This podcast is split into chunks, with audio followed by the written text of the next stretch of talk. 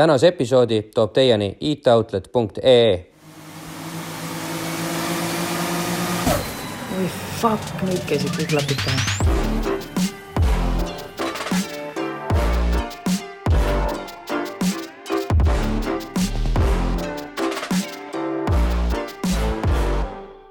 no nii, tervitused Podcaster and stuudiost, olete kuulamas autokultuuri teemalist podcasti Klapid pähe.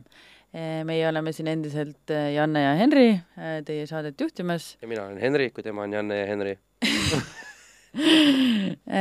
Meie taskuhäälingus me siis tavaliselt räägime igasugustel põnevatel motoriseeritud liikumisvahenditega teemadel, vahel natuke tuuningutest, vahel jõudluse kasvatamisest, teinekord aga üldse igasugustest helidest ja häältest, mis nendest tuuningutest tekivad, eks ole. Ja sel korral? Ja sel korral jätkame me siis oma saadet sellise mehega, kelle hüüdnimeks on bassihelimees, bass sound man ehk siis Tõnis Vesiallik. Ja eelmine kord juba päris sihuke põhjaliku koolitunni saime, kui kuulsime siis eh, igasugustest helirõhu võistlustest, kuidas neid tehakse, heli kvaliteedi hindamisest ning rääkisime ka no minu jaoks täiesti absurdsesse tehnilisse tipptasemesse kuuluvatest eh, helitehnika projektidest, nii et äh, tere tulemast tagasi, Tõnis. tere, tänan kutsumast. see eestikeelne, see, mis sa ütlesid, bassihelimees kõlab väga veidralt nagu Inglise keeles on palju parem bass on man. no jaa, aga tegelikult ju helimees on, ongi ju see, kes neid heebleid lükkab ja igasugu asju teeb, nii et see on isegi päris täpne kirjeldus sellele asjale ju. aga tänapäeval ongi nii, et, et äh, üks asi on, kui vanasti oli see, et tuli kõik installiga ära teha, siis täna ikkagi on päris märkimisväärne äh, nagu osa on sellest, mis sa arvutiga ära teed, et tänapäeval Jaa. ühendad oma arvuti sinna heliprotsessoriga ja timmid arvutis neid asju, et see heliheeblite mm. -hmm. liigutamine on võib-olla isegi päris korrektne, et, et seal ma vahest veedan ikkagi tunde ja tunde, et, et saada see, see asi nagu väga heaks, et mm. -hmm. ja täpselt nii ongi jah, ja aga mida ma tahtsin tegelikult eelmine kord küsida veel, mis mul jääb alati kripeldama natukene või mis jäi jäi kripeldama siis no., no nii, mis on hea lugu, millega testida enda auto. Ehm, üks asi on hea lugu, teine palju olulisem on see, et kui hästi on see lugu plaadile pandud, ehk siis salvestatud ja kui hästi saad seda maha näiteks striimida. ühesõnaga, mingi Spotify'ga ei ole mõtet kuulata või? kusjuures ma ütlen niimoodi, Spotify's on väga palju väga hästi üles võetud lugusid, mis on sealt alla striimitavalt väga hästi nagu kõlavad, tõesti väga hästi. sealjuures, keda see nagu täpsemalt huvitab, siis saab äh, uurida kindlasti guugeldades, et how to Spotify FLAC, F-L-A-C, Jaa. eks ole. aga saad see kõrgema bitrate'i valida. ja kõrgem bitrate ei ole alati see, et, et ta hästi kõlab. see küll on, et, et sul on ühes ajaühikus rohkem heliinfot, aga see, et kuidas sa nagu kõlab, see on hoopis teine asi. et pahatihti näiteks on see, et, et ma tean, et oi, mingi nagu mingi lemmikansambel, jube hea lugu, kõlab jube hästi, lähed kuulad Spotify's, no ei ole nagu see, võtad mingi täitsa mingi suvalise esitaja kuskilt mingi täitsa mingi, ma ei tea, pole kunagi kuulnud, pole kunagi näinud, paned mängima, nii hea, heli on särav, kõik sume, mõnus, hästi selline, et niisugune tunne on, oleks heli on autos sul. Ja teist kuulad nagu, nagu plastmassi kuulad. nii, aga ikkagi see ultimatiivne lõppvastus. Mis on hea lugu, millega testida oma auto kõik need mingid elemendid olemas, mille järgi saad hinnata, et kõrged, madalad, keskmised sagedused, vasakule-paremale bännimised. ma toon ühe lihtsa näite, mis hiljuti kuulasin, väga hea lugu. Niisugune esitaja nagu Yellow võib keegi nii-öelda nagu Spotify's väga palju lugusid väga hästi üles võetud. näiteks üks lugu, Fat Cry, nagu paks nutt. minge Spotify's kuulake, ma usun, et seal on bassi, seal on niisugust sumedust, mõnusat, hästi konkreetseid helisid ja niisugune paar meest laulab, et, et heli on niisugune kärre ja niisugune mehine. oota, Ära- Yellow ära- Fat Sea või? ära, Fat Cry, ära praegu, Janne, seda võib-olla mängima pane, pärast tuleb autoriõiguste see teema, Youtube Jaa. võtab meie pff, maha meid lihtsalt jõhkralt. ei, ma panin omale sinna like'i, et siis ma pärast autos kuulan, kui halb mul kõik on. ja mul oli plaanis täpselt sama teha, et kuulata nüüd see aa, sinu kindlasti ära,. sinu versus on parem, seal on see Harman Kardon või Mm. natuke parem kui minu omas. aga annan kuulajatele väikse nipi, et kui te Spotify's otsite näiteks audiofiil või audiofile mm. -hmm. nagu inglise kirjutatakse, audiofile mingi test tracks või test song, siis leiab igasugu head materjali, mitte need kõik ei ole head, aga mm. -hmm. nende sealt hulgast kindlasti leidub aa, no mingi kus on juba mingid tüübid on hullult istunud ja kuulanud oma, oma süsteemid Ja, ja, ja, ja. erinevaid lugusid, et välja selekteerinud sellised nagu, mis kõlavad hästi, et jah, et ei, ma, ma küsisingi seda lihtsalt selle mõttega, et kui keegi tahab teada enda auto ja võrrelda näiteks oma näide naise auto helisüsteemi, et noh, et nagu, et kuidas nad kõlavad, et äh, selge see, et kui sinule, minule meeldib Metallica ja sinule meeldib tea, mis sulle meeldib, eks ole, et aga noh, et et äh, meie, meie soovid muusikal ongi võib-olla täiesti erinevad, aga mm. -hmm. aga samas me saame istuda erinevatesse autodesse ja panna mingi loo mängima ja mida me oskame, mis kumbki võib-olla ei ole meie muusika teema, aga mida me oskame mõlemad hinnata, et noh, et kas ta kõlab siin nüüd hästi või mitte. mm -hmm. et sellepärast ma seda küsisingi, et ja minu puhul on ka see, et mul on mõned teatud kindlad lood, mida ma tean täpselt, kuidas mingid asjad peavad kõlama ja kuna mm. ma olen seda lugu nii paljudes autodes kuulanud, selle alusel mingeid asju seadistanud, siis ma juba tean, et, et ahah, see auto kõlab nüüd selle looga niimoodi, ma pean tegema nüüd niisuguseid, niisuguseid asju, et see nüüd kõlaks nagu siis ütleme, õieti või õigesti mm. või niimoodi või paremini, et, et no just, et noh, a la Kylie Minogue kontserdil töötades kunagi kuulasin, kuidas helimehed äh, sound'i keeravad ja Rammsteini Two Hast pandi mängima. venna, venna nii-öelda see kuulamise variant oli see lihtsalt, et Black Cubic Arena Riigal saaks nagu õigeks sättida. absoluutselt, kuidas keegi harjunud on, ma kuulan ka mõni klient, kes kuulab näiteks, no ta näite, tuleb mu jutule, tee mul Hardstyle'i auto. Ja siis, kui tuleb autole järgi, kuule, miks sa Celine Dioni autos kuulad, mingi imelik oled või? ma ütlesin, aga ma tean, kuidas see Celine Dioni konkreetne lugu näiteks kõlab, et ma tean, et, et see nagu, kusjuures Celine Dioni looga tuleb üks, üks lugu meelde, mul oli eelmises töökojas oli tehtud spetsiaalne nagu stuudioruum, midagi analoogset, nagu meil siin on, aga hästi tehniliselt niimoodi, et ma kaotasin ära sada protsenti igasuguse peegelduse. et mul mm, -hmm. ja siis mul oli kaks väga spetsiifilist kõlarit ja siis ma katsetasin seal erinevat, vot täpselt see ruum jah, katsetasin seal erinevaid nagu kõlarikaableid, mängijaid, võimendeid ja si-, ja kõik see on selleks, et ma saaksin va-, aru, et kui ma, kõik süsteem on sama, ma muudan süsteemi ahelas ühe muutuja, näiteks võimendi ära, kuidas see asi kõlab. Ja nende kõlarite süsteemidega, niisuguse süsteemiga, siis ma saan nagu aru, et, et mis on hea ja mis on halb, mis kõlab suurelt, mis kõlab kuivalt, mis on hästi rikka soundiga, mis on hästi kuiva soundiga. ja Celine Dion üks niisugune lugu, mis on Titanicu soundtrack, on see My heart will go on mm.. vot tuled hämaraks, enamikel inimestel sai ikka pisara silma küll. et seda kutsutakse nii-öelda helikvaliteedi karvatrikiks. et kui Celine Dioni peale, siis tõusevad karvad püsti, siis see on heli, helimeeste karvatrikk. sellepärast Celine Dionil ongi karvased jalad, jah ja. mingid pildid on netis, kus ta seal see Las millega sa laval. tegeled, Henri, ausalt nagu? sul on liiga palju vaba aega ei no, tema testib ka iseenda peal järelikult. Henri, aga ma ütlen sulle, näe, võta see võimend, see kõlab hästi. kuidas sa hindad seda, sa ei tea ju. On ta hea, kallis on ka, poolteist tuhat näiteks maksab no,. me lihtsalt usaldame sind, Tõnis. noh, aga paljudele inimestele müüakse nagu kaupa poest lihtsalt, näe, võta see, see on hea. võta need kõlarid on jube head. aga ma olen see vend, ma olen pessimist. mul ei õnnestu nagu niisama nagu midagi vähe, ma tahan ise kuulata, et kuidas ta sound ib mm.. sealjuures oleneb ja. ikka väga palju sellest seadistamisest, ma olen mingisugune kümme viisteist aastat kitarri mänginud ja noh, need igasugu lampvõimendid ja asjad läbi proovinud ja mm -hmm. senimaani midagi on alles ka, et ongi, tegelikult äh, oleneb lõpuks seal lõppskeemist ja sellest, kuidas sa seda häälestad, et põhimõtteliselt enamus võimendeid saab panna ühtemoodi sound ima.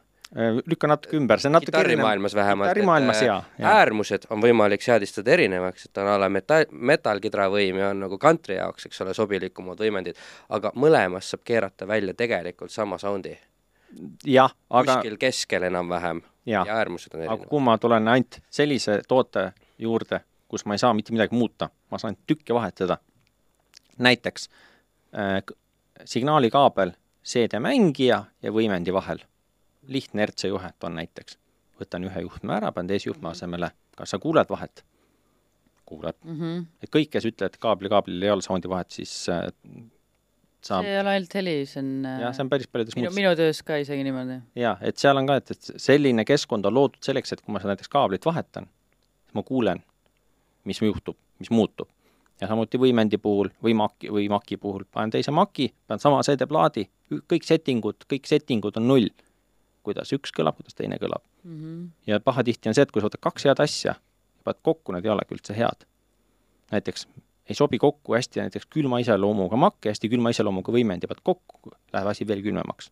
aga kui sa paned näiteks külma võimendi ja sooja maki, tulemus võib olla päris mõnus. mis see nüüd külm ja soe sinu mõistes siin tähendavad ähm,? see ilmselt ei tähenda sama, mida ma mõtlen, et noh, külm õlu külmkapist ja ma ei tea äh,. mitte päris. soe toit. piltlikult öeldes siis ütleme, külm heli on nagu selline, et et kui on muusikainstrument, näiteks taldrik, võta, võtad selle trummipulgad, et taldrikul kolks, kolks, kolks, Mhm. et, et äh, külmheli on niisugune terav, täpne, konkreetne, detailne. kõlks, kõlks. ja, ja nii, suveheli on see, et kui see, nagu kõlks ära käib, siis see nagu sa kuuled, kuidas see sädelus käib üle toa sinuga mõnusalt, pehmelt ja suurelt. see on, ta loetakse, ongi lööks. jah, see on nagu, et see on niisugune nagu sume, mõnus Mhm. suveheli. ta võib-olla ei ole nii eh, kristallselge, aga ta on palju meeldivam kuulata, sest ta on niisugune suur, et Mhm. see nagu sädeleb üle toa sul. Ja ühel hetkel lihtsalt jookseb see piir vastu, et kui sul kõik instrumendid on ülisoojad, eks ole, ja kõik asjad on soojad, siis on lõpuks müra lihtsalt siis. on müra jah, või kui on kõik on hästi külmad, eks ole, siis on see, et, et sul on see kõlks on ülitäpne, terase nõelaga saad näpuga näidata, näe see kõlks on mm -hmm. siin kohas, see kõlks on niisugune, aga ta on hästi metalne mm. Mhm. ta ei, ta ei nagu ei, ei ole niisugune sume, niisugune õhulist tunnet ei teki. no okei no näiteks lööd talgis õhupalli katki, siis see talk jääb nagu tuppa, kurat Mhm. niimoodi. Kui sa lööd met-, no siis ongi see, et see talk on nagu niisugune sumeheli ja kui sa lööd õhupalli, kus talki ei ole, siis käib plaks, mm -hmm. talki pole, seda nagu järesädelus puudub. ja, ja sain aru no niimoodi jämedalt. aga lähme nüüd võib-olla mingisuguse mõne case study juurde, et ütleme nii, et sul on auto ja hakkad seda nii-öelda ehitama ja noh, üks Mercedes on meil siin näiteks, jah, näiteks väga vana projekt, hästi kihvt auto. tavaline kupeekerega E-klassi kupee. jaa, E-kupee on jah, jah, niisugune ongi kümne aasta tagune automudel ka, et umbes midagi sellist, võib-olla isegi natuke rohkem jah. jah, et klient tuli jutule, et, et tehke hea heli. naisterahvas seal. naisterahvas oli jah, et, et äh, ilus lihtne tühi pagass, nii jah, ja mingeid piiranguid ei antud või midagi? mingisugune eelarve enam-vähem oli ja, ja öeldi, et, et peab olema, viisakas peab välja nägema. nojah, ma mõtlesingi just seda Jah. nagu mingi suuruse mahu või mingi siukse piiranguid. nii palju oli, et, et äh, pidi vist äh, mahtuma pagasiruumi või mingi kindel mõõt anti meile, mis peab, mis peab kindlasti, mis suurusega asi peab pagasnikusse mahtuma. tehnika osas äh, piiranguid ei antud, öeldi, et tehke lihtsalt asjad ilusti korrektselt ära ja anti, et sel kuupäeval kellaajal tulen, võtan auto ära, et, et kas saate valmis mm. -hmm. saame küll, teeme ära. ja siis hakkasime pihta, et, et tegime niisuguse, tõmbasime alustuseks auto täiesti puhtaks eest, sest oli sealjuures sel hetkel oli ta umbes aasta vanune võib-olla, eks ole, tegelikult isegi vist äkki oli, võib-olla auto oli vähem, ma arvan, et see auto oli mingisugune võib-olla isegi pool aastat või mõned kuud vanad, et ja ühesõnaga tutikas kui karantiiline auto. jah, tutiks karantiilne auto ja, ja siis tõmbasime sellest puhtaks, et korralikult korrektselt kaabeldada. Et vist oli, seal oli veel arutelu, kas autot vaiksemaks ka vaja teha on, et, et see, see öeldi, et, et kuna Mers on juba piisavalt vaikine, et siis vaiksemaks ei olnud vaja teha, et, et ütleme, et mingeid matte nagu ei pandud? digimatte me panime ainult, et värinat vähendada siis. Eh, jah, me panime nagu heliisolatsiooni ainult selles mõttes, mis on puhtalt ainult eh, heli pärast vajalik. et me ei pannud matte sinna kohta, mis teeks auto nagu sõitmise mõttes vaiksemaks. ahah, okei okay.. no siin näiteks auto uks on ilusti, võtsime kõik detailid auto ukse küljest, küljest ära, pesime kõik auto nii-öelda uksepoolsed detailid puhtaks, et siia, et kuna see on nüüd heliga seonduv asi, siis siia tuli nii-öelda ikkagi nagu müramatt panna. mm. -hmm. Et siin praegu lihtsalt vaatame Jah. järjest natukene läbi, et milline näeb välja ennem siis nagu modifitseerimist üks auto. jah, lihtsalt kõik asjad, mis autos on, välja. varurut äh, koha pidite jätma või selle see vist oli ka tingimus jah, et varrurattas peab jääma, et, et pagasiruumi katte alla, et see peab olema nagu kõik ta peab ikkagi kättesaadav ka olema selles mõttes jaa. jah, jah, jah. nii, ja siin siis terve hunnik igasugu asju, mis sinna hakkasid sisse minema. jah, natukene kaks võimendit, bassikõlar, kaabelduse rullid, jah, natuke müramatti, mis Ning rullid need seal mitu, kilo läheb sinna kaablit niimoodi sisse? ei mitu meetrit? mitu mitte kiloga, Henri mitu No. meetrit? see sõltub sellest, mitu kõlarit tuleb autosse ja mitu kõlarit on eraldi võimendikanali taga. ja et, et kas on üks aku, mitu akut, et kui me räägime lihtsast autost, siis noh, lihtsa autosse läheb jämedalt mingisugune noh, võtame mingi klassikalise, mingi a la nelikümmend meetrit, kolmkümmend, nelikümmend meetrit kõlarikaablit ja noh, mingisugune viis kuni kümme meetrit voolukaablit, sõltub sellest no ma ei tea, siin on küll rohkem nagu tundub. Siin vist on rulliga jah, siin oli, no siin on see, et, et siin on iga kõlari element oli oma võimendikanali taga ja, ja kuna meil oli vaja vedada, vedada teda keerukalt ja me ei saa ju auto tulla mm. -hmm. kaabliga otse üle auto, vaid peame ju jälgima kõiki auto nii-öelda kumerusi ja nii-öelda kohti, kus me saame tulla. ja siin autos sai kõik kaablid veetud näiteks kõri seest, et oleks turvaline ja ohutu, aa, okei okay,, ja, ja. RC kaablid. Et siin on näide, kus jooksevad kõlarikaablid nii-öelda siis nagu põrandamati juures siis nagu üles, et, et kõik on kõri sees. tundub nagu päris äh, paks sihuke, noh, sihuke k- kas, kas ta on nagu mingeid siukseid probleeme ei ole tulnud, et nad ei mahu ära sinna kuskile polstri alla? igapäevane. igapäevane mis te siis probleem. teete? mis see siis jah? väga paljudel autodel on põhimõte on nagu voolitud auto järgi, siis me lõikame mm. need kas kaabli nii-öelda kohad eraldi sisse või siis mm. -hmm. üritame vedada sellistes kohtades, kus on nagu ruumi, et eks see, eks see ikkagi nagu väga tihti nagu see, et, et sa pead nagu noh, vaatama, et täpselt, kuidas sa saad neid vedada, ega suvaliselt neid sinna autosse panna nagu ei saa. teiseks on see, et sa ei saa pahatihti helikaablid alati kõikide autokaablitega koos vedada, et, et et siit on näiteks läbi, läbi selle mingisuguste kerepaneelide, seal oligi, ideaalselt oli autos niisugune koht, kus sai läbi tuua. aga kõik, vahel lööte siis relaka sisse ka? No ikka tuleb ette jah, aga noh, kerelakas tuleb ikkagi, saab lüüa sellisesse kohta, mis nagu ei mõjuta auto Jaa, ja, nagu nii-öelda kerekonstruktsiooni ja sellist asju, et, et Mhm. noh, akna, et, et igasse kohta pahatihti ikkagi ei saa lüüa, kuhu võib-olla teinekord tahaks lüüa. mõne sellise garantiilise autoga on kunagi tuldud ka niisuguse murega, et vaadake, ma nüüd läksin esindusse ja mulle öeldi, et mul on siin ümber ehitatud, et nüüd enam garantii ei kehti või sellist asju ei ole, kui meil on vaja olnud autot ehitada nii palju ümber, mis võiks mõjutada garantiid või et lõikuda mingid kaablid, mis on seotud näiteks auto mingi funktsionaalsusega, et siis me oleme tavaliselt esindusega ikkagi nagu, nagu ennem konsulteerinud, et meil on plaanis sellist, sellise kliendi, sellise auto ümberehitused, et kui me teeme need asjad nii, nii, nii ära, et, et kas see on teie mõistes okei okay. on olnud paar juhtumit, kus äh, esindus ütleb, ei, see ei ole okei okay., no siis me oleme leidnud mingi muu lahenduse või mingi sellist mm -hmm. asja. Aga jah, ütleme, et meie reeglina ei lõika selliseid detaile ega selliseid juhtmeid, mis võivad nagu auto nagu funktsionaalselt no, ilmselt nii-öelda kõlari garantii kaob ära seal selle esinduse puhul, et jaa, aga noh, see garantii tuleb nagu tagasi meie juurde, et kui kliendil midagi juhtub, siis meie lahendame seda muret mm, -hmm. Mhm. aga kui me oleme selle kõlarikaabli vedamisega rikkunud ära mõnda nagu muu auto funktsionaalset nagu asja, et, et siis see ikkagi nagu meie, meie teema, et, et mm -hmm. Nii jah, siin on nüüd äh, vasakult lugedes siis Meetpassi kõlar äh,, Midrange'i kõlar ja Tweeter, ehk ehk siis äh, vasakpoolne kõlar edastab siis nii-öelda niisugust kick-bassi äh,, keskmine kõlar vokaali ja, ja siis väike siis kõrgeid, hästi kõrgeid helisid. mm. -hmm. ja et äh, selline näeb siis välja põhimõtteliselt ühe kõlari paigaldus polstrisse paigaldus või nii-öelda si ukse sisse paigaldus. jah, siin on küll natuke tehnilisemalt tehtud, siin me ei ole kasutanud sellist poest ostetavat plastikut, vaid siin me oleme kõlarõnga ise teinud, kuna oli, oli vaja teda, kuna kõla, bassi, nii-öelda miitbassi kõlar on ikkagi väga suur ja väga raske, et Mhm. siis oli vaja tumisemalt nagu kinni sa- saada, et, et miitbassi kikk oleks nagu konkreetsem ja teravam, et siis te, sai tehtud klaasplastist nagu täitsa uus alusrõngas. ja ülevalpool on sisuliselt näha, kuidas see kaabel tuleb sealt nii-öelda sisse, et kaablid olid selles autos kõik ilusti kõri sees, suka sees ja igalt poolt väga pehmendatud ja kinnitatud korrektselt, et kas on mingi rusikareegel ka, et kui suured kõlarid peavad olema? e, ei ole, sest et minimaalsed nii-öelda. No mingeid niisuguseid kuldseid jah, keskmisi on, aga ka seal kõlarite maailmas annab ka minna väga spetsiifiliseks, et teinekord võib niisugune kõlar mängida väga kõrgele või ka väga madalale ja teinekord niisugune suur kõlar mängida väga kõrgele ja, ja ka mitte üldse näiteks madalale, Mhm. et seal aga sellised kuldsed nagu auto, autos nagu tekkinud standardsed mõõdud, et viiter on ikkagi noh, niisugune pisike, mingisugune toll kuni poolteist, mid-range on reeglina ka kolm tolli, jämedalt pluss-miinus. Ja miitpass, mis siis reeglina pannakse siis ukse sisse või siis nagu alt, allapoole on siis kas kuus pool või kaheksa tolli. aga et äh, bassikõlaril on ka mingi niisugune nagu loomulik standard või miinimumstandard? miinimumstandardidega jah, alla kuue poole tolli bassikõlarit ei tehta, et, et väga vähesed tootjad, kes teevad mingeid väiksemaid asju. aga kui me räägime mõistlikust heliautost, siis seal bassikõlari suurusjärk on kaheksa, kümme, kaksteist tolli vahemikku. Suurtematel entusiastidel on seal viisteist ja kaheksateist või kaks korda viisteist või isegi mõnel kaks korda kaheksateist, et sõltub sellest, et kas tahetakse autot teha nagu heli kuulamiseks või pigem nagu niimoodi, et saaks teha tõsist pidu õues mm. või Mhm. auto kõrval või autos sees. mm. -hmm.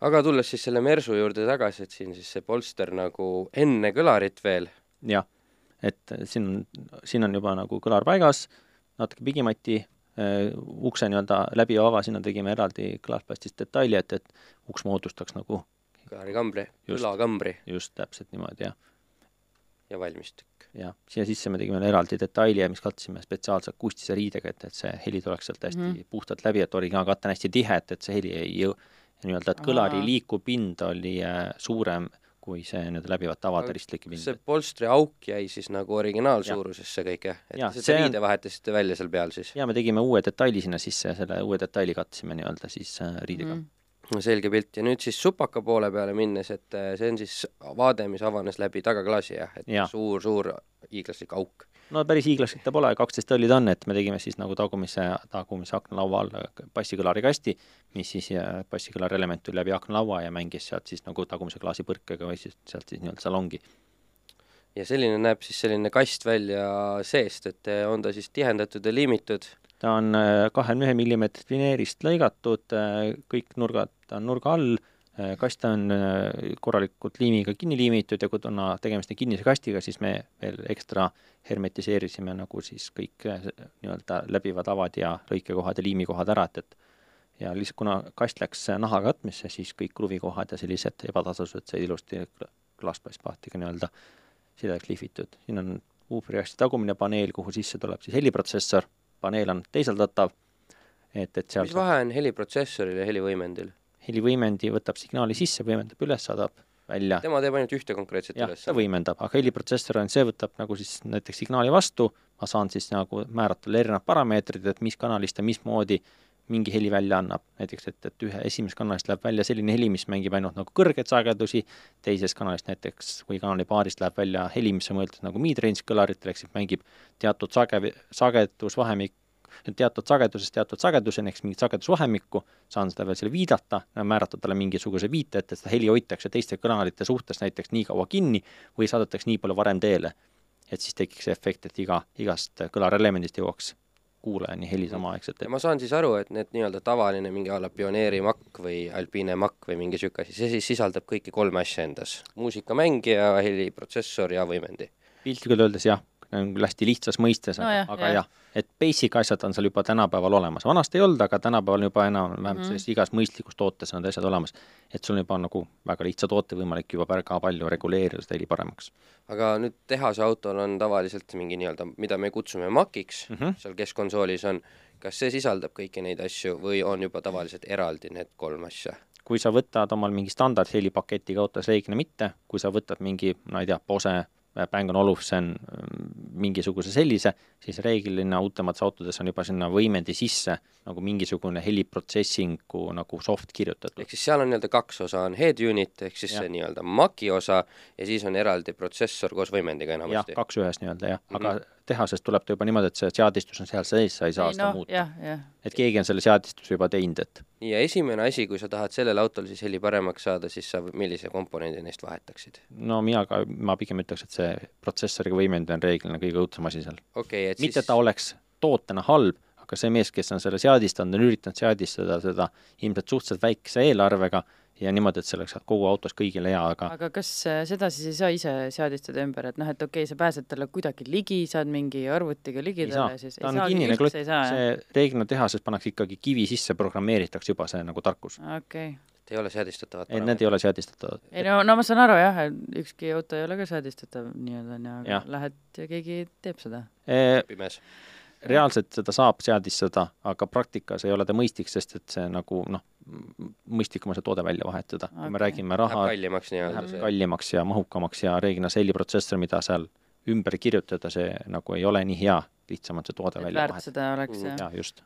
jätkates siis taas selle Mersuga, eks ole, et selle kasti peale läks veel on siit tagumine aknalaud altpoolt vaadatuna, et kuna tagumist aknalauast peab see passimats läbi tulema, siis äh, sinna sai tehtud aknalauale nii-öelda lisapaneel, mille, mis siis sai ribiliseks lõigatud ja pealt kaetud nii-öelda hel-, heli läbilaskva kangaga mm. -hmm. et siis see hall seal on kangas? ei, see... see on betoon, aga sinna peale tuli veel kangas? ei, see on, tegelikult on see hele, see, mis on all betoon, see on töölaud, aga see, mis on niisugune kollakas, see on klaasplastist lõigatud välja, välja tehtud detail. ja sinna peale veel riie omakorda? jah, sinna läheb siis peale poole veel eraldi riie, riie.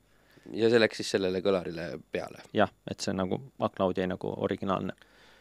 lõpuks siis ka, eks ole, tweeterid ja kesksagedused just need, et sai siis ehitatud äh, piilaritele, piilaritele, et heli suunata võimalikult nagu täpselt nagu kuulaja poole mm. -hmm. et heli, et ei oleks teel mingeid peegeldusi ega takistusi, et mm. -hmm ja lõpptulemus nägi siis välja selline võrdlem-, arusaadav, et midagi on tehtud, aga mm -hmm. võrdlemisi sarnane originaalile. ja ma saan aru, et seal jäi siis see originaal head unit alles ja ennem eelmises saates rääkisime me sellest, kuidas saab panna lisa niisuguseid eh, jupinaid ja seal siis ongi see nii-öelda tuhatoosi sisse ehitatud. tegelikult see, mis seal tuhatoosis on, seal on sees eh, pult, millega saab heliprotsessorit juhtida, sealt sai reguleerida teda, reguleerida äh, voluumi, vuuprit äh,, valida erinevaid setting uid, mida ma olin siis eelnevalt protsessorisse salvestanud.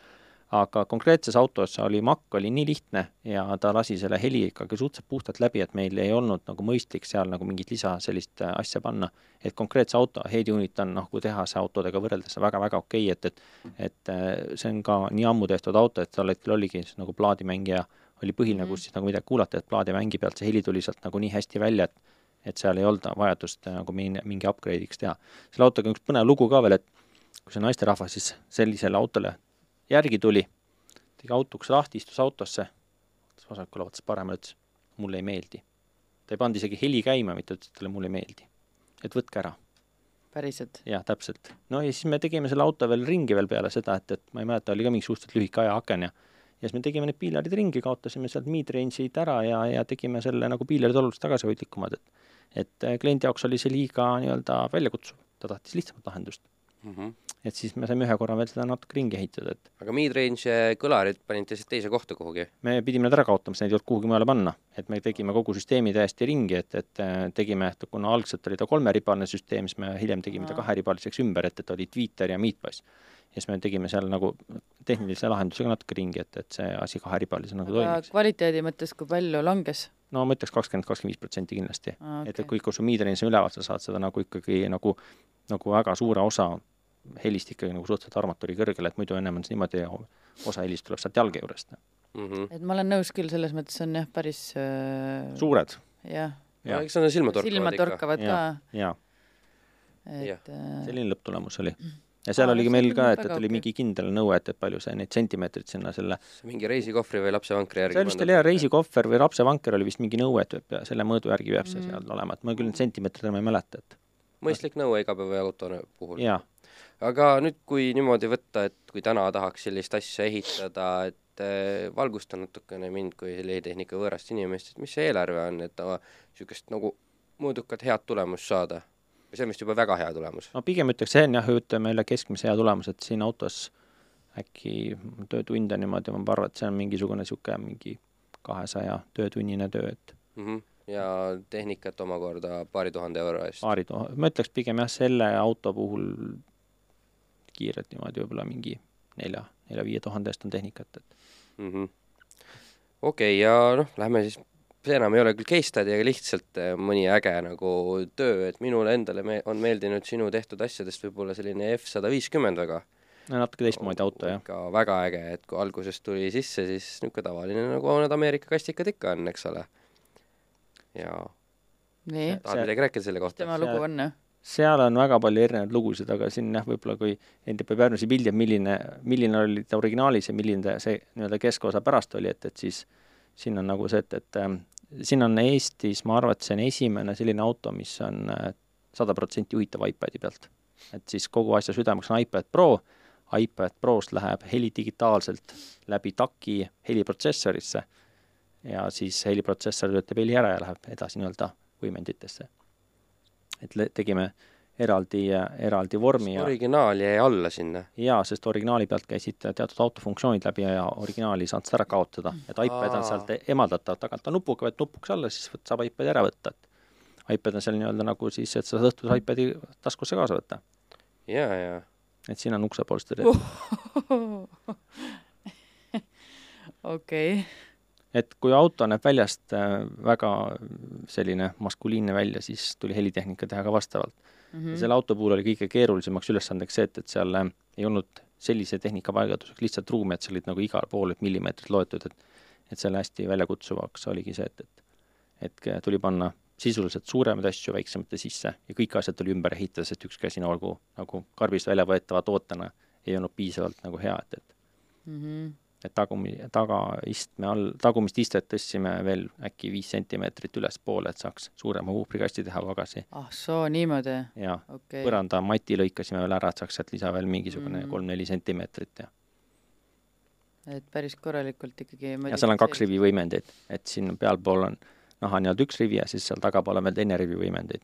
mm. -hmm. ja siin on ka kombineeritud niimoodi, et kuna äh, tweeterid on hästi palju, ehk siis kõrghelisid, siis sai tweeteritele valitud selline võimendi, mis oleks hästi suure ja pehme heliga, et, et oleks võimalik kuulata väga valjult ja niimoodi, et see heli oleks veel meeldiv.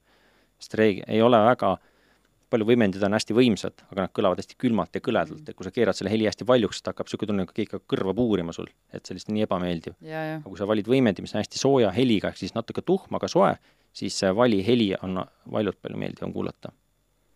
noh, akudele sai tehtud, sellel autos on spetsiaalakusid kasutatud ja lasime, siis metallist on tehtud, lasime teha eraldi kinnitused, et akud seal auto küljes, kui on vaja metsas hüppesse minna autoga, et siis kõik asjad püsiksid oma koha peal paigal, et hüppesse no auto on selline, et sellega kannatab metsas sõita, et mm -hmm. siis kas on mõni auto, mille puhul võiks öelda tehasest tulnuna, et ta on ikka väga hea heliga ka, et ma vaatan siin, te olete teinud Bentley'd ja asju, kus on nagu ikka heliisolatsiooni ja kõike nagu üksjagu juba pandud ja kindlasti suure raha eest on ka asju välja mõeldud. Bentley kindlasti sinna alla ei liigitu, Bentley on heli osas suhteliselt tagasihoidlik, aga kui sa tahad täna poest kõige parema heliga autot, siis ma arvan, et S-klassi pur-, S, S-klassil saab AMG-le, ainult AMG-le saab Burmester kahte. see on väga okei okay., siis näiteks ähm, Volvo XC90 Barbara Wilkinson, see on tõesti väga hea. okay., et seal, ma ei mäleta, mis ta rista hinnas oli, mingi seal küm-, kümne tuhande euro kanti või, Mhm. aga kümne tuhande euro eest on seal väga palju no okei okay.. et, et Volvo XC90 oleks kindlasti paljude melomaanide unistus, et mitte, et ta väga palju tümpsu teeks, aga ta mängib väga-väga hästi. Mm -hmm. lihtsalt heli kvaliteet on super hea. ei no auto on ka hea ju, nii et selles mõttes hea kombo. Ei noh täpselt jah, et kui muidu mõtled, et ostad auto ja siis pead kümme tonni panema sisse, et head heli ka saada, et siis selle saad juba nii-öelda sama hinna sees selle. jah mm -hmm., kusjuures see auto on üks keerukamaid autosid, mis me, mis me üldse teinud oleme, mitte et see süsteem seal oleks väga keeruline olnud, aga seda autot oli keeruline ehitada, sest et ähm, seal autos ei käinud põhimõtteliselt ükski asi normaalselt lahti, seal asjad, kõik asjad olid kinni liimitud, mitte kusagil ei olnud ruumi mingite kaablite vedamiseks, kõik asjad tuli nagu, nagu iga detaili tuli jõhkralt palju vaeva näha. äge on see, et, et ukse peal on äh, elektriga ukselukk, üks valgusti, kõlar originaalis ja soojendusega peegel. Ja ukse sisse läks, ma ei mäleta, mingi reaalselt kolmkümmend kaablit. See selgitab seda, miks Briti autode elektroonika niisugune väga huvitav on teinekord. Ja miks ta jätab sind tee peale, kui sul näiteks ei, ei imesta. piduri, tagapidur, piduritulede põlemise pane, põlema panemise konna peale näiteks Range Rover laseb ennast kõhu peale. Kui see noh, nagu see katki on. juhtub jah, et kui sul Range Rover paneb eh, tagaotsa maha ja üles enam ei tõsta, siis mine vaata kõigepealt, kas pidurituled põlevad.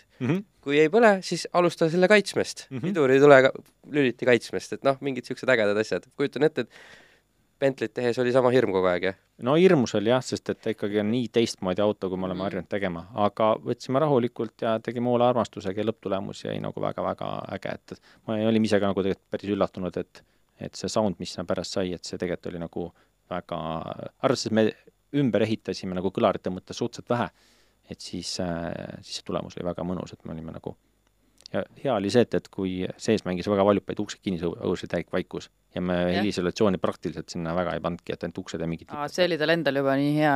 kõik, ja põhjamati peal vist mingi niisugune reaalselt, ma ei tea, viisteist, kakskümmend sentimeetrit erinevaid kihte mingit tehasest pandud juba, et oleks vaikne. see on see, kuidas Briti need luksusautod on ehitatud, et kui sa lõid kinni Range Roveri ukse, siis käib siuke õrn pumps ja lööd näiteks Mersu või Porsche Cayenne'i või mingi siukse ukse, siis käib siuke plänn, jah, see oli samamoodi nagu oleks nagu tangi ukse kinni, et uks on niisugune massiivne ja raske. Vaikne tumps käib ja mitu kihti tihendeid ja, et no ikka Bentley, et, et äh, selles mõttes, et tegi, auto oli äge, siis tegime helisüsteemiga väärika, et, et. Ja mõnikord on siuksed asjad, mis võib-olla ei ole nii nagu elegantsed lahendada, eks ole. No see on jah, Eesti, ma ei tea, kas täna on pikemat, aga tol hetkel oli Eesti kõige pikem limusiin, et kolme sillaga. kolme sillaga ja see garaaži ka mahtus teile või? äh, või see- panite ühe otsa ja siis teise otsa või kuidagi oli niimoodi, et me tol hetkel siis Argoga koos äh, neid asju tegime ja siis Argo garaažis ta võttis jah, kaks, põhimõtteliselt kolm autokohta peaaegu ära Mhm. mm, -hmm. et et et see vorst sinna sisse mahtus ja me koos ta valmis tegime, et, et meie juurde jõudis küll väga õnnetus seisus, et sellisena avanes vaatepilt, kui me sinna sisse läksime ja siis öeldi, et sellest on vaja teha Eesti kõige eksklusiivsem limusiin, et eelarve oli suhteliselt rahulik ja, ja öeldi, et kõik, mis on, tuleb ära kasutada ja Äh, ühesõnaga, et te mitte ainult sellel puhul ei teinud nagu heli, vaid tegite kõik sisu ja ka kõik siis selles jah, mõttes, koos jah, side efekti Argoga saime, koos mm. tegime, et rookisime ta kõik sees puhtaks ja nii palju kui mõistlikkuse piirides äh, sai ja, ja hakkasime siis nullist, kõik tegime autoelektri ja kõik polstrid, piilarid ja kõik asjad selle sai. küljed on klaasplastist või? Seal on jah, autol endal. autol endal seal midagi on, minu arust äkki see on niimoodi, et mingi osa oli metallist ja mingi osa oli klaasplastist, sest see oli ikka noh, niisugune USA-s kokku tehtud miks, et tegelikult oli ikka päris, päris õudne tehase toodang, et ja selline jäi ta pärast välja, et tegime peeglist äh, lae. seal võiks pidutseda küll, jah? ja ei, see oli päris mõnus, ma ei mäleta, palju see inimesi mahutas, aga see oli päris, päris uhke, et, et okei okay,, aga ma arvan, et nüüd on paslik tõmmata natuke selle helitehnika osas nüüd ja tahaks maha nagu sinust ka rääkida natuke või teada, tähendab. sinu autodest, et noh, kõik ägedad asjad ja puha, aga mänguautodest mängu... ja võime rääkida No, need on- mänguautodest muidugi. Need on kindlasti mänguautod ka, jaa, kuidas keegi defineerib, onju. mängida nendega tore, eks. ei no on ka mänguautod sul ju teemaks tões- tõesti. aa, nagu päris mänguautod nagu päris mänguautod jah, et, et et äh, isa andis esimesena puldi kätte, ma arvan, ma olin äkki kuueaastane, käisime kuskil koolipark, kooli Kossu väljaku peal õues harjutamas ja siis sealt see asi pihta hakkas, siis sai koos isaga võistlustel käidud ja, ja võisteldud nende autodega, et, et äh, nendega ma äkki nüüd viisteist aastat julgelt või isegi rohkem või, olen võidu sõitnud, et tänase päevani. täna nüüd enam mitte, et, et viimased mingisugune niisugune neli, neli aastat äkki ei ole enam ei, neli-viis aastat ei ole sõitnud, et ei, esiteks noh, pere on juba suurem ja mm pole aega.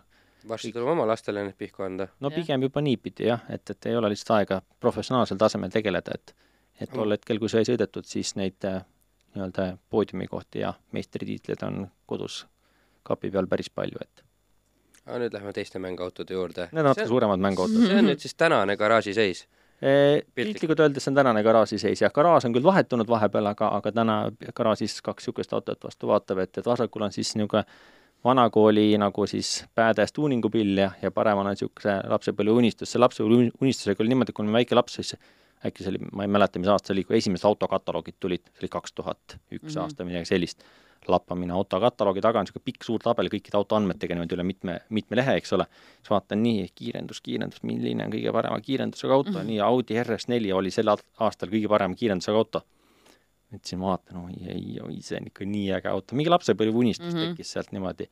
ja siis mingi hetk avanes nagu niisugune sobilik mõte, et, et sai omale RS4 ostetud. no enne ma mängisin, mängisin Audi S4-dega, et siis vaatasin, panin R ette. Kas ma mäletan õigesti, sul on see Audi olnud ikka päris, päris kaua, onju? no see on kaua olnud juba Jah, ja, ja, et tegelikult esimene S4, S4 tuli mul ju peale seda hõbedast Ford Focust Mhm. ja siis, siis ma sõitsin viis aastat, sõitsin äh, S4-ga ja tuunisin natuke, ehitasin ja püüdsin korra sõida ja siis ostsin RS4 ja Mhm. ütlesin, et ostsin teise ka veel. No niimoodi sai kogemata kasutada. niimoodi kogemata. S4 oli ikka mänguauto, et noor ja uljas nagu ma olin, siis ikkagi vahetevahel oli vaja kiiresti sõita ja siis jääraevõistlustel käia ja osaleda, et niisugune ehe näide, kuidas, kuidas jääraevõistlusel, et sellega oli ka kihvt, et läksime Ladaga koos niimoodi nagu kõrvuti võidu sõitma, Lada oli piikidega, mina olin tol hetkel kõige paremate naelrehvidega, mida poest osta sai, Nokian hakkab liita viied äkki. ja siis nagu kiirenduses panin vurdi eest ära, siis kui tuli, tuli kurv, siis noh, minul oli niimoodi, et no mitte mingit pidi kiiremini sõita, kurvi mm -hmm. ei saa, et, et, et ja siis Lada sõitis lihtsalt sidekurvis mööda, siis ma mõtlesin, ahah, et Männikul oli see nagu, Männiku karjääri peal oli ja, rada ja, ja nad on see teinud ümber selle saare, onju. Just. jah, ja sõitsime seda rada, siis oli niimoodi, et, et, et sel ajal, kui mina tegin äh, ringi, tegi tema kaks ringi. siin on sa mängivad kaotasid äh, kurvis aega, onju. jah, sest et mul lihtsalt nagu tänavarehvi ei pidanud nii Jaa, palju, et, ja et mitte ainult, vaid kaal oli ka veitsa suurem ikkagi. absoluutselt, no jah. seega jah, jah. Ja kõrvuti on nad olnud sul, eks ole. jah, sel hetkel, kui esimene RS4 sai koju toodud, siis oli veel S4 oli veel alles, et, et siis nad parkisid niimoodi viisakalt kodus jah, et see oli, paremal pool on sellises seisus, nagu kuidas nagu järgmisele omanikule läks, et kusjuures viimasel päeval, kui andsin omanikule, andsin auto üle, siis andsin talle kaasa selle paberipaki, siis ma vaatasin, et, et et äh, viis aastat ja pool miljonit krooni oli tšekk, mis andsin uuele omanikule kaasa niimoodi. mm. -hmm. Mm. ja nüüd ai, visuaalne see on, see on täitsa okei okay., see on, tere tulemast Audide maailma, see on normaalne. see on äh, hooldus, hooldus, õlivahetus põhimõtteliselt, et, et et kui midagi Audil on vaja teha, siis see lõpeb alati niimoodi, et, et ja no kuna ikkagi oli vahest vaja ka kiiresti sõita, siis see oli täiesti normaalne, et, et aa, see on neljapäeva, neljapäevikute varu. et seal ülevalpool on mõned neljapäeviku juhtumid ja see on lihtsalt varu, et, et see on siis kui meie kuulajatele teadmiseks, et siin on äh, neli, kaheksa, kümme, kaksteist pool telge vist pildi peal. jah, sai varutud, sest et äh, mul oli niimoodi, et, et see RS4 oli, oli tal juba ainult suured rattad alles, tal täpselt nii palju jõudu, et, et esimesega nagu, nagu kui läksid kohalt ära, läksid lapatsi põhja, siis ta nagu ringi ei jaksanud ratast tõmmata. aga tõmbas ta hästi kiiresti teise, siis korraks tõmbas rattad ringi, aga see täpselt nii palju pidamist ja nii palju keeras pooltelje sõlme, plaksti. et oleks nagu, see on noh, näed, pool tilk läks sõber, Sten aitab koju viia, et, et läks jä- jälle remontimiseks. ma saan aru, et lagunes nii palju, et ühel hetkel oli sul neid vaja kolm tükki osta jah endale., paran- te,, tegelikult tol hetkel, kui see pilt sai tehtud, oli mul juriidiliselt kolm RS4. et Eestis neid oli viis, minu käes oli kolm ja keskmine ei ole küll minu oma, see on mul sõber Uku oma, aga lihtsalt noh, see sattus niisugune hea, hea pretsedent, et, et äh, garaažis oli ma kolm. ütleks, see on äh, nagu Audi man juba, võiks öelda, võiks teine hüüdnimi olla. no ütleme nii jah, et jah, see, mul oli ka suur unistus lapsepõlves, et või noh, siis kui hakkas lõppkiirus tulema, ma tahan kahe RS4-ga minna miili sõitma. aga see unistus jäi teostamata, sellepärast et mul ei õnnestu. reeglid ei lubanud, et oleks üks juht selles kahe autoga. aga miks aga miks kahega? jah, no ma ei tea, tekkis niisugune mõte, ma tahan minna kahe RS4-ga miili sõitma, et sõidan ühega ära, siis võtan teise, sõidan teisega ka. huvitavad unistused. ei noh, miks mitte jah jah, aga ei, see jäi, see jäi teostamata ja siis mingi hetk tekkis nagu see, et, et vaatasid nagu iga oota, aga ma korra küsin, et kahe enda omaga või enda omaga jah. mm? -hmm. et noh, selles mõttes seda on ju lihtne, et su se- seda, seda vist äh, reeglid nagu ei ei äh,, ei takista, et noh, et sinu oma ja siis lähed sõidad sõbra omaga, nii ei või või? ei, seal oli see, et üks juht äh, saab ainult ühe autoga aa, okei okay,, selles mõttes okei okay.. aga ikkagi jäi küsimus õhku, et miks ikkagi kolm, et tavaliselt noh, ma saan aru, kui Range Roveri mehel peab kaks tükki olema, et üks on töökojas, teisega sõidab ja siis vahepeal vahetab neid Mhm. onju. aga no Audi nüüd nii palju ka ei lagune ju. Ei ta ka nii, ei tegelikult ma ikkagi üritasin neid ikka kogu aeg nagu korras hoida, et nii palju, kui midagi katki läks, tegin kohe korda, Nad olid siis müügiks sul nagu need ei olnud, tegelikult oli see, et ma esimese ostsin, sest ma sain ta, esimene oli lapsepõlve unistus, noh nii, ja siis ma, siis nagu üks äh, siis ma arvasin, et võtad kaks, siis on nagu kaks lapsepõlveunistust nagu No. no. täidetud või et no päriselt nii, esimene oli niisugune nagu natuke nagu ütleme, eelmise omaniku poolt tuunitud, ta nägi niisugune badass välja, natuke erilisem ja siis kuidagi saime nagu hinnas kokkuleppele, saime esimese lapsepõlve unistuse. ja siis teine oli niimoodi, et, et äh, teist üks äh, nii-öelda niisugune autoentusiast nagu hirmsasti taastas, noh, tegi niimoodi, et, et ostis, kõik oli tipp-topp Mhm. ja ja siis ta kuidagi korra nagu mainis, et see võiks nagu müügiks olla ja siis ma tegin talle nagu omapoolse pakkumise, sest et ta oli enam selle pakkumisega nõus ja me saime kuidagi kaubale, et siis oligi kopsti kuidagi kaks tükki kodus. ja kolmas lihtsalt tuli kuidagi hästi soodsalt kätte, et, et kuidas sa siis juba ei ütled ju? jah, ja siis äh, ei no läksid trummid, las lähevad pulgad ka. jaa, just nii. ja mingi hetk ma vaatasin, et neid kodus on kaks tükki ja siis panin, panin ikkagi ühe nagu müüki, et las ta siis nagu, et oota, just oli kolm ju, oli kolm, siis, siis jäi kaks. siis jäi kaks, jah. sest odavalt ostetud sai kuidagi nagu edasi liigutatud jah? see tegelikult kõige esimese müüsin nagu maha, et siis ma vaatasin, et, et nagu, et pikas perspektiivis võib-olla on väärtuslikum hoida seda, mis on originaal, et täna on Jaa, kaks originaali on nagu alles, et see, mis tuunitud oli, siis selle ma panin nagu müüki ja see müük oli ka väga naljakas, et Eestis oli ma panin tol hetkel nagu maailma mõistes ta ikka nagu suhteliselt mõistliku hinnaga müüki, ma tahtsin, et noh, äkki läheks auto jääks Eestisse Mhm. No need äh, huvilisi, eks vennad tulid parkimisplatsil kohale, et, et, et kuule, et, et päris lahe auto, et lähme teeme sõitu või et, et või et, et proovisõitu saab või? või et istub kõmm kõrval, et lähme sõidame ja mingeid niisuguseid asju ja pakuti mingeid nal-, naeruväärseid summasid, et ühesõnaga ma sain aru, et tol hetkel anti eraisikutele maksimaalselt auto ostus kümme tuhat euri laenu. noh, ma ei tea, palju täna saab, aga ütleme, tol hetkel oligi see, et, et et ilma liisinguta, liisingusse autot ei saanud mm, -hmm. sest ta oli vana ja eksklusiivne. kaskot selle autole ei saa, ei ole ükski kindlustusselts polnud Mhm. nõus normaalsetel tingimustel tegema. ainuke variant oli osta. Need, kel raha oli, need, need, need ei huvitanud sellest autost. ja need, kes seda autot tahtsid, neil polnud raha. ja see oli see, kõik tulid niisuguse mingisuguse täpselt kümne tuhande eurose ostujutu, kuule, teeme kümme tonni, ma saan sõbra käest tonni homme juurde, noh. palju sul muidu müügis oli? äkki oli kuueteist tuhande viiesajaga, noh tol hetkel. ja, ja, ja mingi hetk tegelikult, kui sa vaatasid neid, siis ütleme nii, et Lätist või kuskilt oli võimalik isegi ka neid küpsiga saada, need Jah. ei olnud kindlasti et ma sellised, eks ole, aga nad olid olemas. just, et ma sattusingi neid nagu ostma sel hetkel, kui oligi see nagu see kõige nagu soodsam hetk, et täna nad on juba tibake kallimaks läinud, et ja siis korralikud on ikka julgelt üle kahekümne. no täna on korralikud, on close to sada. päriselt või? oota mobili lahti ei no. sa nüüd räägid ikkagi nagu Jah, väga väikese muuseumi eksemplaridest. muuseumi eksemplaridest, ma räägin nendest, millega sa sõita kannatab. jah, jah, seda küll. mida sa julged garaažist välja ajada ja tegelikult sellega tiiru teha ja võib-olla ta ka talvel külje ette lasta no veel need maksavad kakskümmend jah. jah, noh, midagi niisugust, eks ole, ei muretse seda, et ah, kas ma sõidan viis tuhat peale ja siis on ta auto väärtus kukub poole võrra, et nii aga kollektsionääride osas on niisugused haruldased on väga, väga hinda läinud jah, mis on nagu heas korras, et nüüd nad vist muutusid ka USA legaalseks. USA-s ei olnud ju vist RS4-sid olemas ja nüüd sai vist tiksus see kakskümmend viis aastat täis, mis tähendab Jah. seda, et nagu need parempoolse rooliga autosid saavad sinna tuua, et tegelikult nad ju toovad neid Audisid ja BM-e ja Mersusid samamoodi mm, -hmm. fanaatikud, mhm, see võib ka mõjutada. mhm. ja oled sa ju natuke mõnel nendest ka jõudu kasvatanud. seal on jah, originaalkonditsioonis on natuke nii palju, kui originaalkonditsioonis seal saab, on natukene järgi aidatud, kõik on visuaalselt originaal, aga niimoodi, et, et midagi näha ei oleks. aga see on vana S4, see on jälle hooldus, see on hooldus. see on ilmselt kas enne või peale neljapäevikut, et oli vaja midagi jälle teha, et, et minu arust Audi näeb samasugune välja, kui sul on vaja, ma ei tea, mingisugust Veepumpa vahetada. äh, jah, veepumpa või kõige lihtsam veel mingisugust äh, seda äh, esiklaasi seda pesuripaaki, vaata. jah. Janne vahetas endal kunagi A8-le ise see lõppes ilmselt samamoodi umbes. ja, ja ma ütlengi, et noh, et see nägi sama välja. Meie peres on üldiselt niimoodi, et ma olen see laiskvorst ja siis, kui Audil oli vahe, on vaja midagi vahetada, siis Janne on see, kes võtab tööriistad kätte, ta on juba paar korda teinud, vaata. ma pean hakkama nullist õppima, kuidas need asjad käivad, juba see Audi värk on selge, noh. et mul oli jah see, et, et kui midagi läks katki, siis tuli korda teha, aga selles mõttes sõita oli vaja ja sõita on kihvt ju, et, et mm. -hmm. aga alati jah, hooldus on alati, näeb miskipärast nägi selline välja. okei okay,, aga sa ütlesid, et noh, natukene peale saab keerata, et palju siis selle, selle RS4-le saab mõistlikkuse piires peale keerata? Äh, seal sai ratast tõmmatud kolmsada kilovatti ja viissada väänet.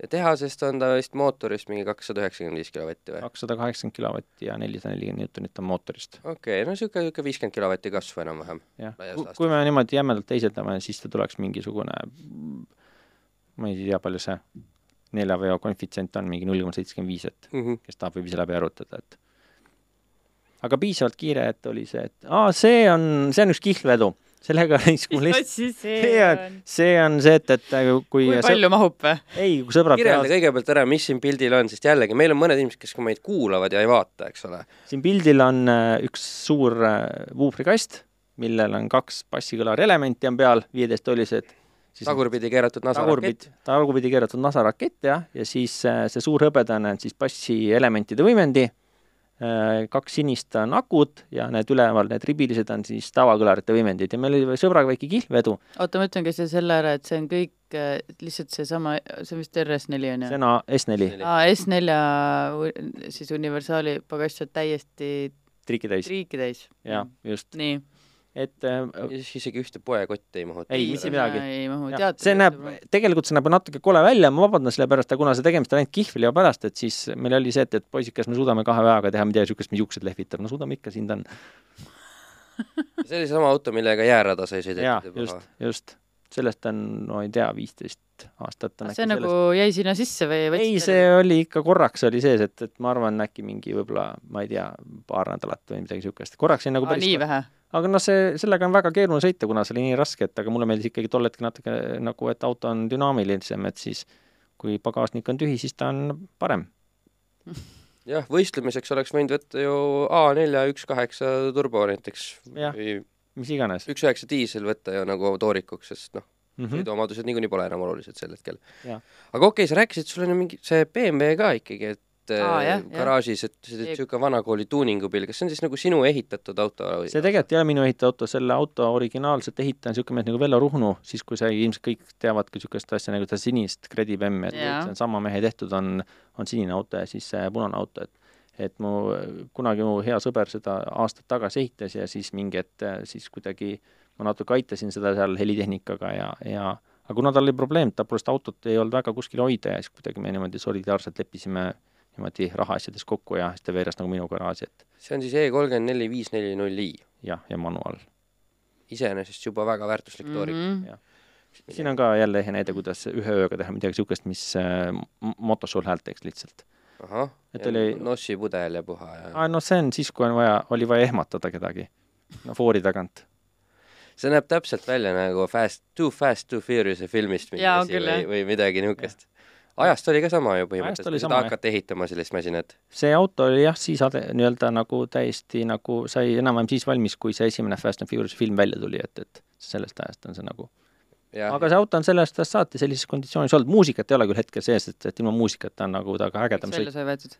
Äh, välja sai võetud selle mõttega, et, et ma ostsin mingi hunniku tavaari kokku, mingi äge, ägedamaid tehnikat, et ma nüüd ehitan ühe ägeda auto, aga see kuidagi jäi riiulisse ja ilma muusikata oli see autoga ägedam sõita just, et ta nagu noh, taga, tagaveoline, piiratud libisemisega tihver, manuaalkast, neljaliitrine mootor, V8, noh, auto, iga autoinimene teab, et see on tore. Mm. -hmm siis nii, nii ta nagu hetkel nagu ilma muusikata on, aga ma olen vaikselt nagu, mul on temaga mingi plaan, et ma olen enam-vähem on kaks juppe veel puudu, siis mul on selle helitehnika komplekt olemas, mis sinna tuleb, et, et mm. -hmm. aga ikka tuleb üks auto, isiklik auto ka helitehnikaga. jaa, selleks on mul kõik asjad olemas, mul on kaks võimendit veel puudu, aga kuna neid lihtsalt ei ole mitte kuskilt saada, ühed vanakooli, mingi spetsial hästi, hästi haruldased ühed spetsiifilised võimendid, jah.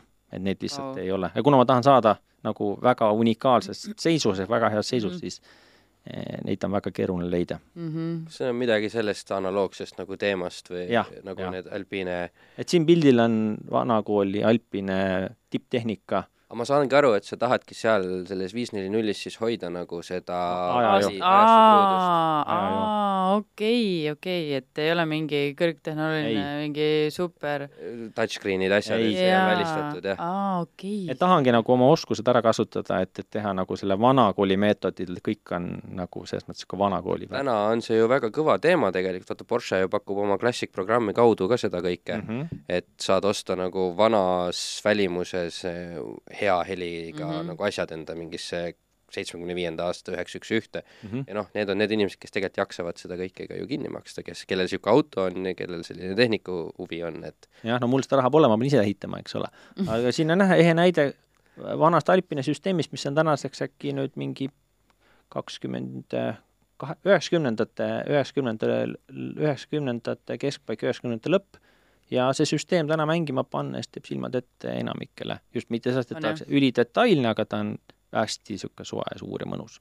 kvaliteetsetest komponentidest tehtud siis, kui raha ei loetud ilmselt. jah, siis kui tehti asja soundi pärast, mitte sellepärast, et rohkem raha teenida mm. Mhm. et sinna BEM-i tuleb midagi selles nagu Mhm. suunas, aga noh, ma ütlen, seal mõned, mul on kaks võimu veel puudu, et siis, siis saab, saaks nagu nokitsema hakata, et aga ennem tuleks selleks aega leida, et nojah, sest et ambitsioonid on väga kõrged iseendale. no õnneks aega vist äh, veidi veel on, et aa, no see on, see on see, kui läheb äh, äh, mannergu projekt natuke lappama, et, et siin on juba, mannerg on digi muutunud sportmannerguks, et, et sisse on tekkinud puur ja kapoti alla natuke rohkem hobujõudu, kui võib-olla oleks, oleks nagu äh, vaja, aga et see on ehe näide, ma ei mäleta, palju see auto maksis, äkki nelisada eurot, et kuidas neljasaja eurose autoga sõita Audu ringrajal üks kolmkümmend viis lõppu, noh. Korraks nüüd helitehnikasse tagasi tulles, mis on kõige absurdsema hinnatasemega auto selles mõttes, selles mõttes hinnataseme autod, kuhu on kõige rohkema raha eest tehnikat ja aega sisse pandud, et samas kõige odavam auto nii-öelda.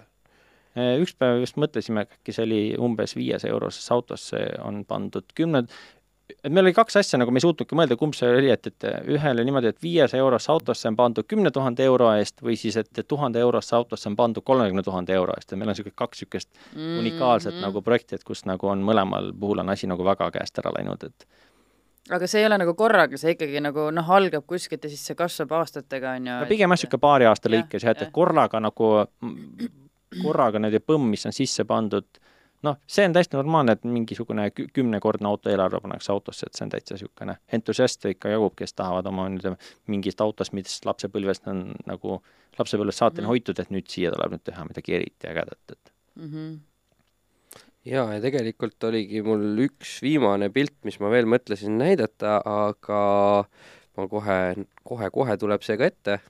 Need diivanid seal mannergu katusel on nagu noh, see on lihtsalt seal ei, tegelikult oli see, et meil sõp-, see, see on, auto on meil sõpradega mitme peale, et, et mina olen lihtsalt üks väike mutrike selles äh, nagu projektis, et et meil oli garaaži juures vaja hunnik vineeri ja kaks diivanit transportida nagu, nagu teisele poole garaaži mis ja on kõige õigem vahend selleks? jah, nagu põhimõtteliselt äh, puuriga mannergi, et tõstad staffi katusele, puur on ju sees. ei paindu läbi, eks ole. jah, ei paindu läbi, et, et sai sõita küll, millegi muuga polnud vedada, et asjad ei viitsinud, et, et aga kuna see nägi nii hea välja, siis ma tegin pilti, ma mannergust paremat pilti nagu esimese hooga ei leidnud, vot siin on üks meil niisugune hea sõbra kaldkriips kliendi nagu koostöösprojekt, kus äh, meie nagu know-how ja, ja ütleme, tehnika ja muu selle nagu toetusega on siis äh, saanud äh, lihtsast Volkswagen Passatist ähm, see kõlab täpselt selliselt, et nagu tuhande eurosesse autosse kolmekümne tuhande eest tehnikat. see on midagi sinnakanti jah, et, et et uksed on noh, aknast enam välja ei näe. näeb, kusjuures see kõlar on täpselt niimoodi, et ilusti näeb välja vaadata. et see kõik on nii tehtud, et, et see on, kus see auto oli igapäevakasutuses isegi. et, et inimene käis sellega iga päev tööle ja mul on lihtsalt siit küsimus, et äh, need äh, ukse, need kõlarid lähevad päris kõrgele, kas sul nagu noh, seaduslikke probleeme ei ole sellega või, et ta piirab? vaatevälja ei piira ja Mhm. mitu politseid on seda isegi kinni pidanud ja on nagu politsei otsustada jäänud, et kas on okei okay või ei ole ja siiamaani on nagu hästi läinud, et Mhm. aga selles mõttes, et noh, täna ta enam nüüd nagu igapäevakasutuses ei ole, et, et, et tol hetkel ta küll korra oli, aga aga selle auto eesmärk või mõte on see, et, et sa sõidad kohale, teed akna lahti või uksed lahti ja ühendad DJ puldi ja sul on live-kontsert nagu sisuliselt kahe-kolme minutiga võid peoga alustada. kui sul on vaja kuskil rannas teha pidu, sa pead rentima kõlarid, värgid, särgid, kõik tehnika seal üles paigaldama, see on mitu tundi vaeva, et saavutada sama tulemust, sellega sõidad kohale, akna lahti, kõik mängib. et selle auto ongi aga kas keegi kasutab sellist lahendust ärilise, äriliselt siis? Äh, nii ja naa, et, et antud konkreetset autot on ikkagi üritustele tellitud, et see seal muusikat mängiks, et ta mängib päris valjult, et ma julgen kas äh, äh, sorry, kas seal katuseboksis on nagu isiklikud asjad. okei okay,, ma tahtsin või... pagasnikut ei ole enam. ei, ma lihtsalt tahtsin poekott tuleb ju kuhugi panna. ma tahtsin küsida, et võib-olla seal on seotud asjad, et ma ei tea, mingid lisaakud või jumal teab, noh, ma ei kujuta ette. selles autos on äh, kuus spetsiaalakud kogu mahtuvusega circa nelisada ampertundi ja need on mahutatud kõik äh, kapoti alla ja siis äh, varuratta koopasse. kas te sellistel autodel ühendate nii-öelda mootori ja seda osa juhet, juhtiva aku nagu äh, eraldi, et selles mõttes, et kas seal mussi mängides, kui sa autot käimas ei hoia, kas äh, saab vool otsa ja enam ei saagi autot käima panna? Seal on niimoodi, et kui sa ka kasutad teda nagu, seal on ko-, kogu pa- akupakk on ikkagi üks tervik ikka okay., Okei. seal ei ole eraldi, aga on jah, palju autosid, kus on tehtud nagu paralleelsüsteemid. aga seal konkreetselt on nagu et üks ei juhtuks süsteem. seda, et nagu peo käigus mm. saab tühjaks? Sellel autol veel ei ole juhtunud, aga kui sa mõistliku voluumiga teda tarbid ja mootorit ei käi, siis ta mängib ikka päris mitu tundi päris valjult. enam-vähem on isegi olnud, me oleme eh, kliente sellega pidu teinud niimoodi, et kui ta paneb mussi mängima ja päris põhja ei keera ja mootor töötab, siis ta põhimõtteliselt on non-stop party. et umbes circa kaheksakümmend, kaheksakümmend viis protsenti voluumiga võib lasta kakskümmend neli seitse ja see, sest seal lõpus tõuseb see viimase, see voluumitõks, viimased kaks mm. -hmm. voluumitõks on see, kus tõuseb nii-öelda piltlikult öeldes viissada amperit, tuhat amperit, kaks tuhat Mhm. amperit, neli tuhat amperit, vooluarve tõuseb hüppeliselt. no see ongi see kolme detsibelli jutt, eks Just. ole, et tahad saada kolm detsibelli valjemat ja siis Läheb kaks korda võim-, rohkem võimsust Jah. on tarvis kasutada ära ja. seepärast ju puhul pean ära ka mainima selle või et, et see ei ole meie tehtud auto, vaid see on nii-öelda, klient on selle auto ise teinud, aga meie juures, meie poolt on siis kogu nii-öelda konsultatsioon, mis tehnika, kuidas kokku panna meie häälestatud vuufrikast ja ämprek ja mõned nipet asjad, asjad on veel nagu meie tehtud, need No. kõlarite asetused ja need seal piltlikult öeldes olete teie need, kelle, kelle juurde tuldi oma võistlusautoga, millele mootor oli ise tehtud, aga te tegite seade ja panite ta jo- jooksma nii-öelda. jah, no ta ütleme, et koostöös projekt, aga lihtsalt kuna me oleme seda projekti hästi palju nagu aidanud, et tead, see on midagi niisugust, mida see on Eestis ikkagi ja nagu mainimist väärt on ju. mainimisväärt, et, et äh, kes on võib-olla neljapäevikul käinud, on mõnikord äkki seda autot näinud, et Mhm. härra Her-, mis asi? Mister kaheksa hertsi, jaa, jaa, jah. et võite Instagramist otsida, et, et või siis passipastakas on ta, ta nii-öelda teine, et passipastaka, okei. et seda autot saab oma peole kutsuda, et, et äh, tuleb äh, Juhaniga ühendust võtta. väga kaval mõte tegelikult ju. ma mõtlesingi, et jumala äge, väga, see on, seal ei ole, seal ei ole mingit set-up'i, sa lihtsalt tuled kohale sõid- sõidad auto koha, ta sõidab auto kohale, teeb uksed, asjad lahti ja põhimõtteliselt Ja läheb. ongi tehtud. jah. ma seda mõtlesin ise ka, et noh, kuradi äge värk ikkagi tegelikult, et võib-olla küll siis peaks olema natukene suurem auto lihtsalt, et saaks igast künkast ka üle tuldud ja aga see on Passat, see on rahvaauto, kuule, aga meil Pulma peo jaoks vaata see, siis kui DJ set tuleb, siis vaata peab siukse auto tellima, siis on hea. jah, ei ole vaja enam mingit teist helimeest ega midagi eks ole ei, vägev värk. kuule, aga see üks kiiremad, need ko- viimased kaks saadet olid ühed kiiremad, mis minu jaoks on läinud nagu aja mõttes, et äh, ma ei tea, aeg kadus kuhugi. täiesti aga tegelikult on meil alati üks küsimus ka Jah. kõigile meie külalistele, mis on üks ja sama. nii, mis on see üks asi või mis on see asi, mida sa oma autoga kunagi teha ei tohiks? mis sina arvad jah, mis ei tohiks, mida ei tohiks teha oma autoga? Sky is the limit, mis iganes see vastus on, Võib-olla see ta sõidust või ehitusest või tuuningust või mida teha ei tohiks või? mm. -hmm. käest ei tohi lasta. et selles mõttes, et tuleb hoida autot Mhm. korras. selles mõttes, et kui järg läheb käest ära, siis läheb asi lappama, siis ta kaotab selle väärtuse. aga kui sa teda kogu aeg nagu hoiad, siis ta hoiab sul seda väärtust. odavam on ka niimoodi selles mõttes, et kui sul Jaa. lõpuks on üks hetk see, neid asju on nii palju seal järjekorras, siis noh, see mul on mitu okay. sõpra olnud niimoodi, et, et nagu al-, hullud panevad aega, vaeva, teevad, teevad, hoiavad, ehitavad, möllavad ja mingi hetk nagu lihtsalt, kuidas kas ajapuudus või mingist jääb nagu auto ripakile ja siis ta kaotab selle väärtuse. ma ei viitsi selle autoga enam Jah. on vaja mingi viiesaja euroga müüki, ostke ära noh. mm. -hmm. ise olen pool elu ehitanud. aga ma olen ka tähele pannud, et kui sa nagu hoiad mingit asja ja siis see nagu see väärtus püsib mm. -hmm. ja, ja siis on siht ka kogu aeg silme ees, sest sa kogu aeg midagi nagu sa ei kaota sihti ära, et sa kogu aeg sa tead, et sa pead temaga nokitsema ja tegelikult, kui sa temaga sõitma lähed, siis sul on see nagu silm särab kuigi rahaliselt võib-olla tuleb lõpuks see viiesaja euroga maha müümine targem. ja aa, no jaa. muidu sa paned sinna kogu aeg juurde, et täiendad seda asja kogu aeg ja kogu aeg ja kogu aeg ja siis noh, lõpuks oled sa sada tuhat kulutanud sinna, kui oleks võinud kümne tuhande pealt lasta ta nii-öelda lapp noh, nagu Jah. käest ära ja müüa viie sotiga maha, eks ole. Et mina arvan seda, et ma olen ise ei, elus ühe sellise vea teinud ja, ja väga palju aastaid tagasi ja ma tegelikult päris tihti mõtlen selle peale, et ei oleks pidanud nagu tegema. Mhm. lihtsalt nagu oli niisugune pragmaatiline valik, et peaks nagu midagi maha müüma, et liiga palju on mänguasju, aga aga noh, polnud kuskil hoidnud, aga oleks pidanud nagu ikkagi pingutama ja mingi lahenduse leidma, et Mhm. et ei müünud raha pärast, aga müüsin lihtsalt, et, et nagu liiga palju oli mänguasju.